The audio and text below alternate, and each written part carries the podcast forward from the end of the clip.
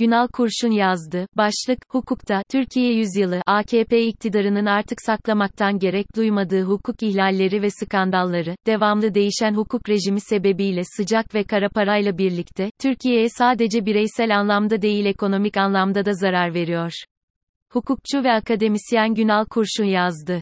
Hafta başında Sayın Kılıçdaroğlu'nun uyuşturucu paralarını Türkiye'nin cari açığının finansmanında kullandılar açıklaması gündeme düştü. Kılıçdaroğlu, Twitter hesabından yayımladığı videoda, son dönemde AKP medyasının hedef gösterdiği roman hakları ve yoksulluk konusundaki çok önemli çalışmaları ile tanıdığımız Hacer Fogo ile birlikte hem yoksulluğu eleştirdi hem de uyuşturucuyla yoksulluk ilişkisini gündeme getirerek son dönemde Türkiye'nin nasıl bir uyuşturucu rotası haline dönüştüğünü anımsattı. Bu arada da iktidarın Türkiye'ye giren kara paraya göz yumarak davet ettiğini, Breaking Bad Süleyman, ülkenin çocuklarının zehirlenmesine göz yumuyor, saray kara para ile bu zehri sokaklarımıza davet ediyor, sözleriyle açıkladı. Bu açıklamaların, Sayın Cumhurbaşkanı'nın Cumhuriyet Bayramı'nda ortaya koyduğu Türkiye Yüzyılı vizyonuyla aynı zaman denk gelmesi enteresan. Çünkü gerçekten içinde yaşadığımız yüzyıl bir Türkiye yüzyılı olacaksa, nasıl bir zaman denk geldiğimizin de biraz ayrıntılı açıklanması icap edecek. Acaba bilim, teknoloji, kalkınma, gelişmişlik açısından mı bir Türkiye yüzyılı, yoksa ifade özgürlüğü, muhaliflerin her türlü şekilde bastırılması, işkence, gözaltında kayıplar ve diğer insan hakları ihlalleriyle dolu bir suç patlamasıyla hatırlanacak bir Türkiye yüzyılı mı söz konusu olan? Sayın Kılıçdaroğlu'nun eleştirilerinde aslında AKP Türkiye'sinin sıcak para bağımlısı haline gelmiş olması yatıyor. Hem yandaşlara rant yaratabilmek hem çılgın ama gereksiz projeleri inandırıcı kılabilmek hem de yolsuzluk düzenini sürdürebilmek için iktidarın sıcak paraya hep ihtiyacı oldu. Ne var ki özellikle sıcak para girişinin azalmaya başladığı 2008 yılından itibaren, AKP iktidarı bu sorunu kimi illegal işlere göz yumarak çözme yoluna saptı. Bu çerçevede ilki 2008'de, sonrakiler 2013, 2016, 2018, 2020 ve sonuncusu 2022'de olmak üzere neredeyse her iki yılda bir kanun çıkararak ve uygulama sürelerini uzatarak neredeyse sürekli bir kucak açma politikası izlendi. Bu kanunlarda özü itibariyle yurt dışından sıcak para getirenlere kaynağının sorulmaması esası benimsendi. Sonuçta küresel anlamda yüzen ve ana eksenini karanlık uyuşturucu parasının oluşturduğu sıcak para Türkiye'ye girdi. Elbette bunun bir takım bedelleri oldu. Mesela uluslararası kara para aklama ve terörizm finansmanıyla mücadele kuruluşu olarak bilinen Mali Eylem Görev Gücü FATF Türkiye'yi gri listeye aldı. AKP iktidarı ise uyuşturucu ve kara para ile mücadele etmek yerine, FATF tavsiyelerini Türkiye'deki özgürlükleri savunan sivil toplum kuruluşlarının, özellikle de insan hakları derneklerinin finansmanlarını daha da daraltmak amacıyla bir alet olarak kullanma yoluna giderek yanıt verdi, sanki IŞİD çetecilerini saklayıp finanse edenler o insan hakları kuruluşlarıymış gibi.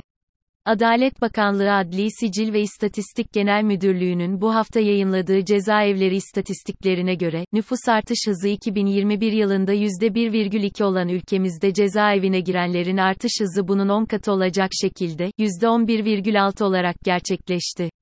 Yaklaşık 300 bin cezaevi nüfusumuz var ki bu sayı nüfus sıralaması açısından son 20 ilin nüfusundan fazla.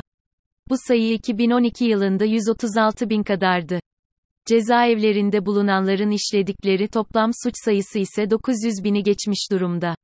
Elbette, ben mesleki bir refleksle bu istatistikleri, yine aynı kurumun açıkladığı başka istatistiklerle paralel okudum. Mesela, neredeyse yarısı dünya ölçeğinde gereksiz, anlamsız kabul edilen 5,5 milyon ceza soruşturmamız var ki bunun yaklaşık 2 milyonu terör ve bağlantılı suçlara ait. 20 yıldır Türkiye'yi yöneten AKP iktidarı, aslında siyaseten çözülmesi gereken pek çok sorunu çözemeyip hukuka havale ettiği için, aslında olmaması gereken bir hukuk problemiyle karşı karşıya. Bu sorun o kadar devasa boyuta ulaştı ki, artık esas takip edilmesi gereken uyuşturucu meselesi gölgede kalmış oldu, zira cezaevlerinde yer yok. Böyle giderse de zaten kilitlenmiş durumdaki hukuk sistemi iyice içinden çıkılamaz bir noktaya gelecek. Hukukta Türkiye yüzyılına hoş geldiniz. Nokta. Yargıdaki liyakatsizlik, taraflılık ve bağımlılık ile verimsiz yargılamalar konusu başka bir yazının konusu olsun ama böyle giderse bu yüzyılın Türkiye yüzyılı olamayacağı çok açık, zira gerçek bir hukuk olmadan herhangi bir gelişme gösterebilmiş başka örnek daha dünyada yok. Muhalefetin her zamankinden daha çok hukuk talep etmesinin zamanı çoktan geldi de geçti bile. Kılıçdaroğlu'nun son çıkışında bunun izlerini görebilmek son derece sevindirici. Bununla birlikte, geçen hafta Türk Tabipler Birliği Başkanı Profesör Doktor Şebnem Korur Fincancı'nın tutuklanmasına muhalefet cephesinden bir iki milletvekili dışında kurumsal bir ses çıkmamış, çıkamamış olmasını da buraya not etmek gerekiyor. Gerçekten ana muhalefet partisinin ve altılı muhalefet bloğunun bu konuda söyleyecek tek bir sözü yok mu? İktidarın muhalefetin söylemini bu kadar esir alması anlaşılır değil. En önemli değerlere saldırılırken, en çok dayanışmanın yükseltilmesi gereken anda, sırf iktidarın, teröre destek veriyorlar, söylemine bu derece teslim olunması, inanıyorum ki ancak, oy gelecek yerden ilke esirgememek, ile açıklanabilir. Bizim ülkemizde muhalefet de ne yazık ki, faşist söylemin altında eziliyor. Öyle ki, Deva Partisi'nden Korur Fincancı'nın tutuklanması üzerine gelen genel başkan ve genel başkan yardımcıları düzeyindeki tepkilere bakınca, ana muhalefet partisinin söyleminin iktidarca ne kadar esir alındığı kolaylıkla anlaşılabiliyor. En üst perdeden hem Sayın Ali Babacan hem de Sayın Mustafa Yeneroğlu, yapılan tutuklamanın hukukla açıklanamayacağını, ifade özgürlüğünün sonuna kadar ihlal edildiğini açıkça ortaya koyarlarken Cumhuriyet Halk Partisi'nden kurumsal düzeyde bir ses çıkamaması başka biçimde açıklanamaz. İktidar ne derse diyecek. Kimi zaman terörle işbirliği ile suçlayacaklar, kimi zaman teröristlerle yan yana durmakla itham edecekler.